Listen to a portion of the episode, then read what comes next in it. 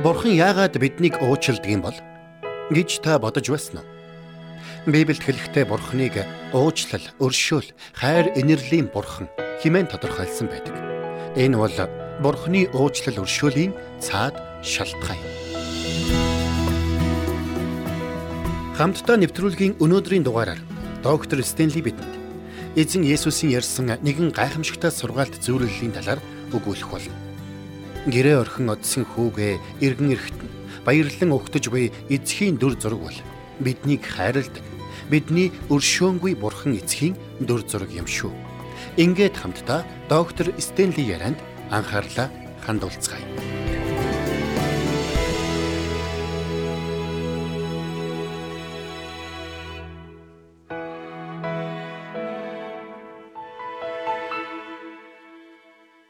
Итгэлийн амьдралаар амьдарч эхлээд олон жил өнгөрсөн ч итгэлийн амьдралдаа баяр хөөртэй, аз жаргалтай, сэтгэл хангалуун амьдарч чадахгүй. Өдөр хоногуудыг санаа зовнил, сэтгэлийн дарамт, айц дүгшүүртэйгээр өнгөрүүлсээр байгаа хүмүүс олон байдаг. Тэгвэл би танд итгэлийн амьдралдаа амар тайван, баяр хөөртэй, аз жаргалтай, сэтгэл хангалуун байдлаар дүүрэн байх нэгэн чухал арга замыг зааж өгмөр байна. Энэ бол бидний хүлж байдаг нэгэн аюултай хүлээснээс ангижрах явдал юм. Энэ бол үл уучлалын хүлээс. Бид хэн нэгнийг үл уучлах үедээ өөрсдийгөө хүлээсэнд оруулж байдаг юм. Үүний нэгэн адил өөр хэн нэгэн хүн таныг уучлж чадахгүй байгааг та мэдсэн хэрнэ. Үүний хариуд зөвөр хариу үйлдэл үзүүлэхгүй бол та өөрийгөө мөн л хүлээсэнд оруулж байна гэсэн үг юм. Гэхдээ энэ бүхнээс долоон дор хүлээс бол Бурхан намайг уучлахгүй гэсэн бодол юм.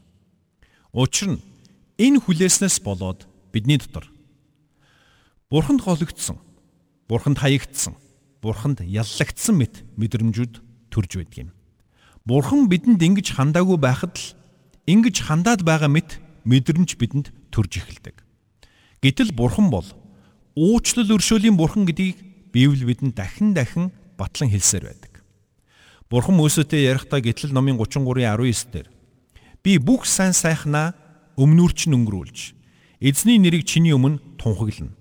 Би нэгүүлсэх хүнээ нэгүүлсэж өрөвдөх хүнээ өрөвдөх болно хэмээн айлцсан байдаг. Хуучин гэрэнд иш үзүүлэгч Нихемач бас Бурхныг уучлалын бурхан хэмээн тодорхойлсон байдаг. Дуулал номонд Бурхныг уучлахдаа бэлэн байдаг гэж тодорхойлсон байдаг. Иш үзүүлэгч Даниэл уучлал бол Бурхных юм аа гэсэн байдаг. Библийн туршид Бурхныг уучлал өршөөлийн бурхан юм аа гэж тодорхойлсоор байдаг. Гэхдээ Бурхныг уучлал өршөөлийн Бурхан гэдгийг итгэн харуулах хамгийн гайхамшигтай зураглалуудын нэг бол эзэн Есүсийн айлтсан төөрсөн хүүгийн сургаалт зүйрлэл юм. Энэ түүхээр дамжуулаад Бурхан эцэгч нь таны гим нүглийг хэрхэн хардаг вэ гэдгийг ойлгосоо гэж би хүсэж байна. Ингэхдээ Бурхны уучлал өршөөлийн талаар би тантай түлхүү ярилцахыг хүссэн юм. Бид хуучин муу зуршлаа дахин дахин давтах үед Бурхан бидэнд хэрхэн ханддаг болохыг та мэдв үү? Уучлал өршөөл гэдэг ойлголтыг бид Бурхны өнцгөөс харж ойлгож чаддаг билүү? Заримдаа бид өөрсөддөө болон Бурхны бидэнд илчлэхийг хүсэж байгаа агуу үннийг ойлгож чадахгүй өнгөрдөг. Учир нь Бурхны илчилж өгсөн тэр үнэн бидний итгэж ирсэн худал хуурмаг буруу ойлголтуудтай нийцдэггүй юм. Тиймээс бид Бурхны үнэнд итгэж чаддаггүй. Гэтэл үнэндээ бид юунд итгэж ирсэн бэ гэдэг огтоос чухал биш. Харин Бурхны үг яг юу гэж сургаж байна вэ гэдэг нь хамгийн чухал юм. Гэтэл бид Бурхны уучлалын тухай чухал үннийг бүрэн ухаарч, Бурхны уучлалыг Библийн үгийн дагуу ойлгож, тэр уучлалыг амьдралаараа мэдрэхээс нааш Бурхны бидэнд хүсдэг тэр амар тайван, баяр хөөртэй, сэтгэл хангалуун амьдралаар амьдарч чадахгүй юм. Тиймээс та бид бүгд Лук номын 15 дугаар бүлэг дээр гардаг сургаалт зөвлөлүүдийг сайн мэднэ. Эзэн Есүс энэ бүлэгт алдагдсан хоньны тухай алга болсон зоосны тухай болон төөрсөн хүүгийн тухай зөвлөлүүдийг айлтсан байдаг. Эдгээрийн дундаас төөрсөн хүүгийн сургаалт зөвлөл бидэнд Бурхан эцгийн уучлал өршөөлийг хамгийн тод томруунаар харуулж өгсөн байдаг юм. За ингээд Лух номын 15 дугаар бүлгийн 1-ээс 2 дугаар ишлэгийг гаргаад харъя. Энд Есүсийн айлтсан энэхүү сургаалт зөвлөлийг ямар хүмүүс сонсож байсан болохыг өгүүлсэн байдаг. 1-2 дээр татвар хураагчд ба нүгэлтнүүд бүгд түүнийг сонсохоор ойртцоохот фарисеучуд болон хуулийн багш нар нь дургуйтсан дүнгнэлтэж энэ хүн нүгэлтнүүдийг хүлээн авч тэдэнтэй хамт хоолдог гэхтэн. За та анзарж байна уу? Тухайн үед эзэн Есүсийг үнж шав нараас нь гадна татвар хураагчд болон нүгэлтнүүд ч бас дагдаг байсан. Бас тэдэнтэй хамт хуулийн багш нар болон фарисеучуд ч байсан. Улмаар хуулийн багш нар болон фарисеучуд бусад хүмүүсийг шүүж буруутгасан хандлагатай байгааг харсан Есүс тэдэнд Бурхны уучлал өршөөлийг ойлгуулахын тулд төөрсөн хүүгийн сургаалт зүрлэлийг ярьсан байдгийг. Энд бид нэг зүйлийг ойлгох хэрэгтэй. Есүсийн төөрсөн хүүгийн тухай ярьж байгаа гэдгийг бид санах хэрэгтэй шүү. Өөрөөр хэлбэл Бурхан эцгийнхээ эсрэг гим нүгэл үлдэж Бурхан эцгээс холдон одсон тэр итгэгч хүний тухай ярьж байна гэсэн үг юм. Түүнээс биш энд хүмүүс бид хэрхэн аврагдах тухай огт яриаггүй гэдгийг бид ойлгох хэрэгтэй. Энэ талаар бид дараа нь ярилцуулно. Харин энд эзэн Есүс Бурхан эцгийн хүүхэд болсон ч гим нүглээс болоод бурхан эцгээс холтсон итгэгч хүний тухай ярьж байгаа гэдгийг санах хэрэгтэй. Эндээс би та бүхэнд гурван чухал санааг хуваалцахыг хүссэн юм. Тиймээс та бал цаас гаргаад миний танд хэлэх зүйлсийг тэмдэглээд аваарай. Тэгэд энд яригдж байгаа зүйлсийг би амьдралдаа хэрхэн хэрэгжүүлэх вэ хэмээн эргцүүлэн бодоод үзээрэй. Бас өөрөөсөө би бурхны уучлал өршөөлийг мэдрэн амьдрч байна уу? Эсвэл өөрийгөө буруутгах буруутгалын өтгөн манан дундаа түүрж бүдэлсээр амьдарч байна уу хэмээн асуугаарай. За ингээд юуны төрөнд энэ түүгээр дамжуулаад таныг бурхны уучлал өршөөлийн цаад сэдлийг ойлгосоо гэж хүсэж байна. Эзэн Есүс төөрсөн хүүг яагаад тийм байдлаар дүрслэн өгүүлсэн юм болоо? Учир нь мөнөөх хүү ямар адгийн зүйл хийсэн болохыг сонсогчдод сайтар ойлгуулахын тулд Есүс инхүү дүрсэлсэн юм. Яагаад гэдгийг би одоо танд тайлбарлаж өгье. Тэр хүү айлын отхон хүү байсан. Тэгээд тэр эцэгтэй очиод ингэж хэлсэн байна. Луух номын 15 дугаар бүлгийн 12. Баг хүн эцэгтэй. Аваа, эд хөрөнгнөөс ноогдох хувийг минь надад өгөөч. Гэхдээ эцэг нь хоёр хүүдээ хөрөнгөө хувааж өгөв гэсэн байна. Энэ бол тухайн цаг үеийн ёс заншлын дагуу бол еврей гэр бүлд байж болшгүй үйлдэл юм. Тэр хүү амин хуваа хичээж эцгийг өөд болсон хойно хүлээн авах учиртай өв хөрөнгийг амьд байхад нь нэхэж авсан байна. Түүгэр зогсохгүй. Эд хөрөнгө аваад гэр бүлээ орхин одсон. Гэр бүлээ онцгойлоод эцгийгээ ичгүүртэй байдалд оруулсан хэрэг байсан юм. Гэсэн ч эцэг нь түүний хүсснийг биелүүлжээ. Улмаар тэрхүү гэрээсээ явж алс холын нутагт очоод тэнд бүх эд баялаг өв хөрөнгөө үрэн таран хийж дуусгасан байна. Эцгийнхэн хөлс хүчээ туслуулан байж хураасан хөрөнгийг тэр зугаа цэнгэл садар самуун зөрүүлж юу ч үгүй болтол нь үрэн таран хийж дуусгасан байна. Үргэлжлүүлээд Лук номын 15 дугаар бүлгийн 14-ийг харах юм бол түүнийг бүх юмаа барж дуусгад тэрхүү нутагтанд ч сүрхий өлсгөлэн болж тэр юм юмар гачигдж эхлэв гэсэн байна. Тэр хүү алс холын нутагт очиж тэндээ бүх эд хөрөнгөө үрэн таран хийсэн. Тэгээд удалгүй тэр юм юмар дутагдж гачигдж эхэлсэн байна. Бас тэр нутагт нь сүрхий өлсгөлнч болж бид бүгд бурхны хүслээс зориудаар зөрж өөрийн хүслийг дагах үедээ сүрхий өлсгөлн рүү өөрөө яваад орчихдаг гэдгийг та мэдэх үү? Эхэндээ тэр нь анзаарахдаггүй байж болохч бурхны баялаг их ивэл өрөөлийг орхин нүгэлт хүслээ даган явсан ямар ч хүн эрт өрөө хизээ нэгэн цагт сүрхий өлсгөлөнд гарцаагүй нэрвдэх болно. Ингээд мөнөөххүү өлсөд сангахын эрхээр ажил хийх ёстой болсон байна. Ингээд тэрхүү еврей хүмүүсийн хизээж хийхээргүй тийм ажлыг хийх болсон байна. 15 дугаар ишлэлийг үзэх юм бол тэгээд тэр явж уг нутгийн нэгэн иргэнийг бараадах болж мөнөөх нь гахаага хариулуулахаар түүнийг явуулдаг байлаа гэсэн байна. Харж байна уу? Ингээд тэрхүү өхөрч биш, хонч биш, адууч биш. Бүр гахаа хариулах болсон байна. Тухайн үеийн фарисеучүүдийн хувьд үүнээс дор зүйл гэж байхгүй юм. Тэрхүү эцгийнхээ тэр их хөрөнгийг үрэн таран хийж дуусгачаад гахаа хариулах болсон тэдний хувьд санаанд багтмааргүй хэрэг байсан юм. Цааш нь үргэлжлүүлээд Лук номын 15 дугаар бүлгийн 16-ыг харах юм бол гахаан идэж байсан буурцгаар ходоодоо дүүргэхийг тэр хүсэмжлэвч хинч түнд юу ч өгсөнгүй. За тэгэхээр энэ үед түүний мөнгийг хамт үргэлжсэн найз нөхд нь хаана байсан юм болоо? гэж би заримдаа боддгийм. Гэхдээ бидний илүү их анхаарал зохих өөр нэгэн асуулт бол Есүс яагаад энэ хүүгийн нөхцөл байдлыг ингэж зургалсан юм бол гэсэн асуулт юм. Үүний гол шалтгаан нь биднийг уучладаг Бурхан эцгийн уучлалын мөн чанарыг бидэнд ойлгуулахын тулд юм. Эндээс бидний ойлгуул зохих эхний чухал санааг би танд хэлж өгмөр байна. Энэ нь юу вэ гэвэл бидний ямар ч үйлдэл, ямар ч хичээл зүтгэл Бурханд биднийг уучлах сэтгэлийг төрүүлдэггүй. Өөрөөр хэлбэл Бурхан биднийг үйлсийн минь улмаас уучилдаггүй гэсэн үг. Тиймээс бид сайн үйлсээр эсвэл буян үйлснээр эсвэл дахиж нүгэл үйлдэхгүй гэж бурханд амласнараа бурхны уучлал өршөөлийг хүлээж авч болно гэсэн бодлоо толгооноос авч явах хэрэгтэй. Бурхан минь би танд амлаж байна. Би дахиж хизээч нүгэл үйлдэхгүй. Ингиж амллаа гэд бурхан та биднийг уучилдаг юм биш.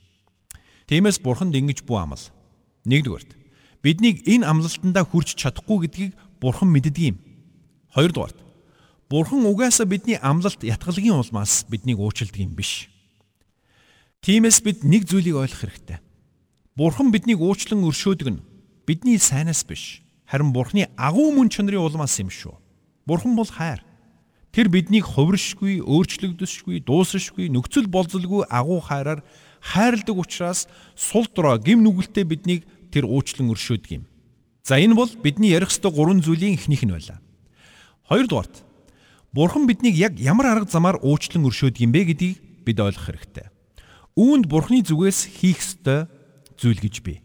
Бас хүмүүс бидний зүгээс хийх ёстой зүйлч гэж бий. Тэгвэл бид юу хийх ёстой юм бэ? Дараах хэсэгт бидний юу хийх ёстойг тодорхой өгүүлсэн байгаа юм. Лук номынхон 15 дугаар бүлгийн 17-г нь харъя. Тиинхүү тэр ухаан эцгийн минь хөлсөлсөн хүмүүсийн хичнээн нь ч талхаар элбэг дэлбэг байдаг билээ дээ. Гэтэл би энд өлсөж үхэх нь. Харж байна уу? Тэр хүү ухаарсан болохыг энд хэлсэн байна. Өөрөөр хэлбэл тэр хүү эрүүл саруулаар бодож сэтгэж эхэлсэн гэсэн үг юм. Тэр хүү нөхцөл байдлаа үнэн зөвөөр тодорхойлон харж үннийг ойлгож эхэлсэн гэсэн үг юм. Лук номын 14 дугаар бүлгийн 17-оос 19-ыг нийлүүлээд уншъя. Тинхүү тэр ухаан эцгийн минь хөлсөлсөн хүмүүсийн хичнээн нь ч талхаар элбэг дэлбэг байдаг билээ дээ. Гэтэл би энд өсөж үхэх нь би босоод гертээ очие. Тэгээд түүнд аваа. Би Тэнгэрийн эсрэг мөн таны өмнө нүглүүлдэжээ. Би цаашид таны хүү гихтхэн зохисгүй. Харин намайг хөлснийхөө нэг хүн болгооч гэж хэлийг яв. Өөрөөр хэлбэл тэр хүү эцэгтэй юу гэж хэлэхээ сайтар бодож эргэцүүлсэн байна. Тэгээд тэр эцэгтэй очиж хийсэн бүхнийг гимшиж уучлал гуйгаад эцгийнхээ герт зарц боол болоод чамаагүй үлдээ гэж гуйхаар шийдсэн байна. Тэгээд тэр эцгийнхэн гэрлүү явсан байна. Энэ тухай Луг номын 15 дугаар бүлгийн 20 дугаар ишлэлдэр ингэж хэлсэн байна. Тэгээд тэр босож эцэг руугаа явжээ. Жинхэнэ гимшил бол оюун санааны өөрчлөлт юм. Жинхэнэ гимшил нь тухайн гимсэн хүний амьдралд бодит өөрчлөлтийг авчирдаг юм.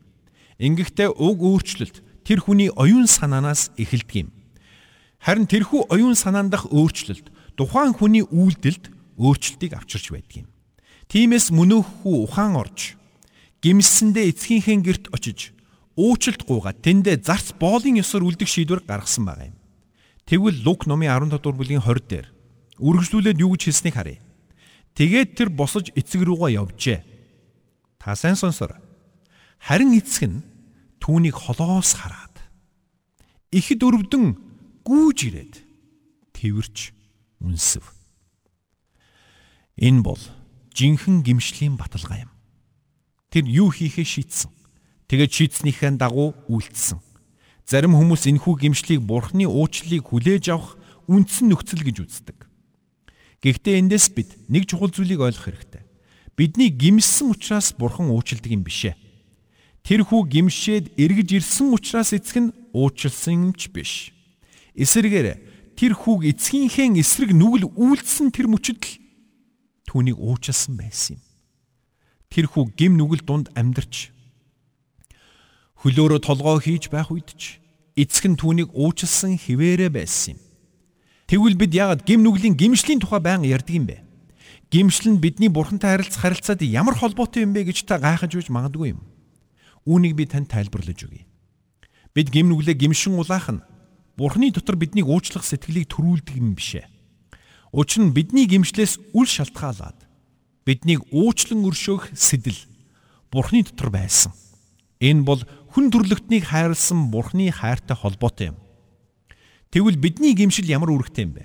Бурхан биднийг аль хэдийн уучлсан юм бол бид гимших ямар шаардлагатай юм бэ?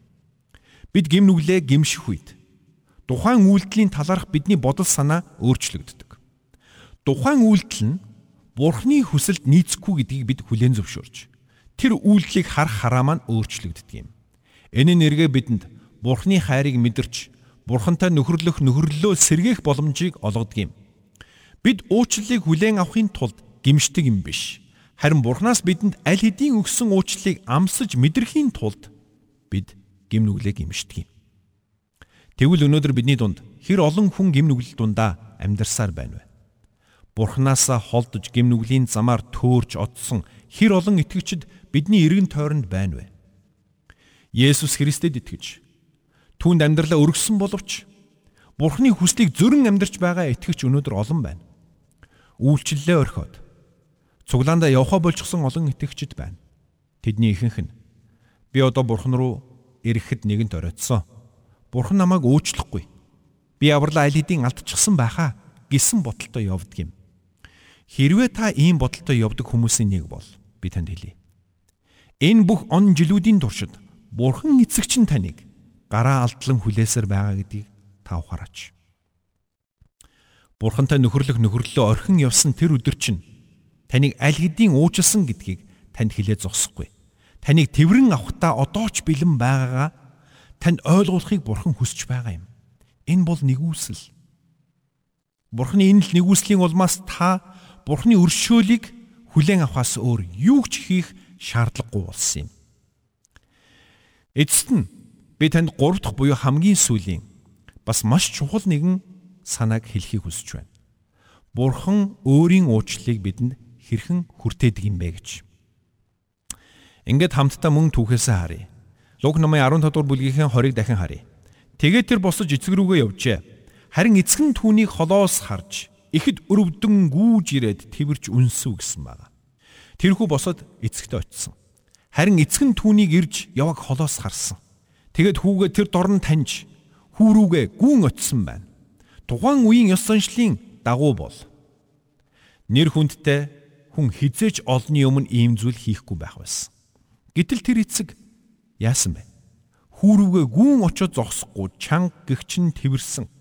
Энэ бол хүүгээ хүлэн авч байгаагийн илэрл юм. Тэгээд тэр хүүгээ үнссэн. Энэ бол уучлалын илэрл байсан юм. Цааш нь Лук номын 15 дугаар бүлгийн 22-д инхүү бичигдсэн байна. Харин эцэг нь боолуудаа хамгийн сайн хувцас хурдан авчир. Түүнийг хувцсал.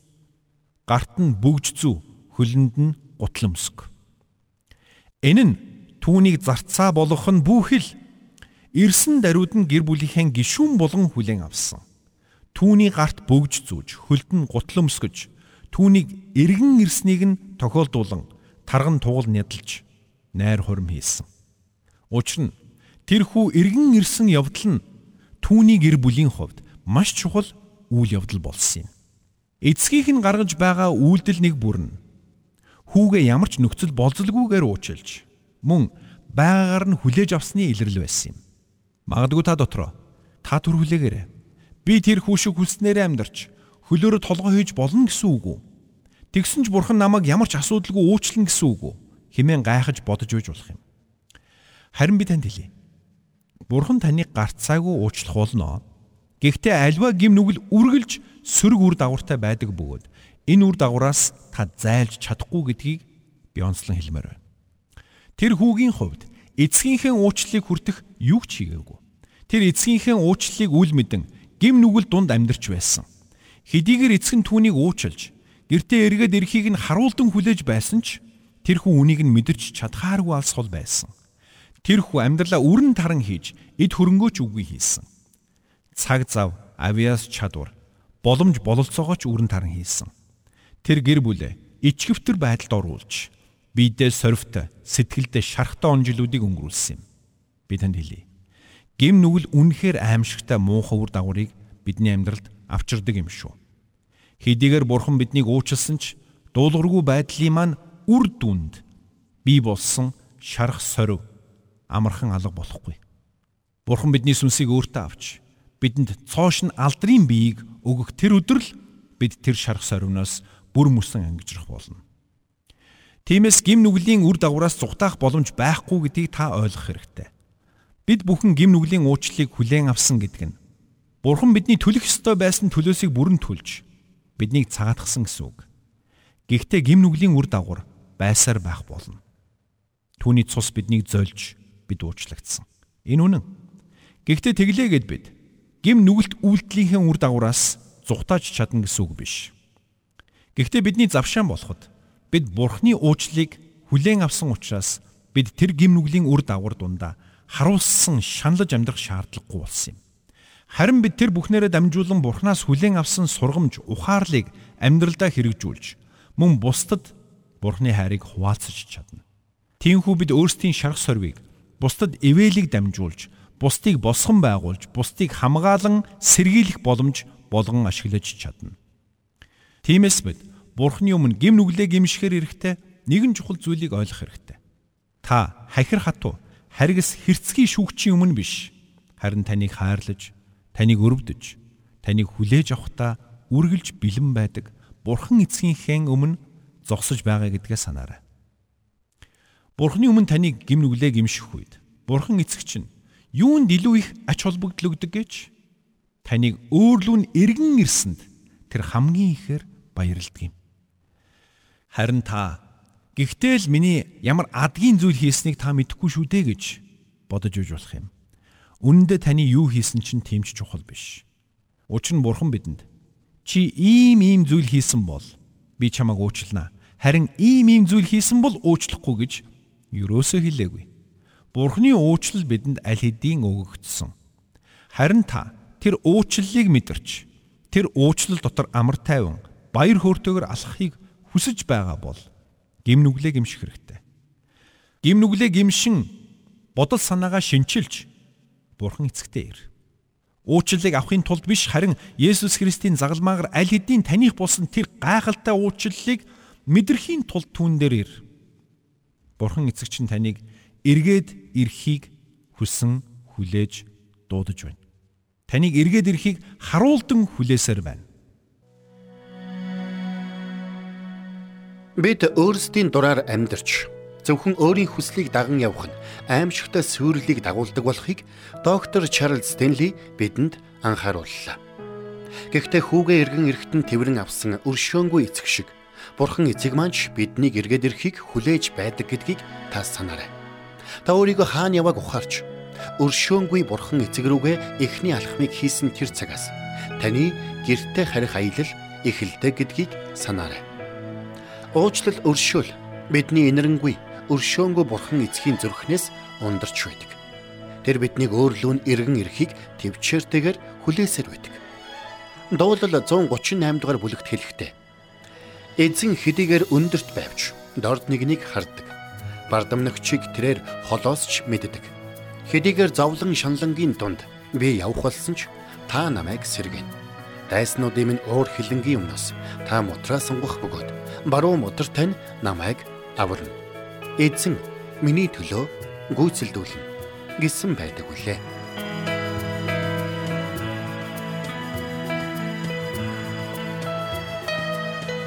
Бурханд тэмүүлсэн сэтгэл хүмүүсийг энэрх зөрхөөр амьдрахад туслах номлогч доктор Чарлз Стенлигийн хамттай нэвтрүүлэг сонсогч танд хүрэлээ. Нэвтрүүлгийг дахин сонсохыг хүсвэл ихтгэл радиоцик.com-оор зочлоорой. Бидэнтэй холбогдохыг хүсвэл 8085 99 тэгтэг дугаард хандаарай.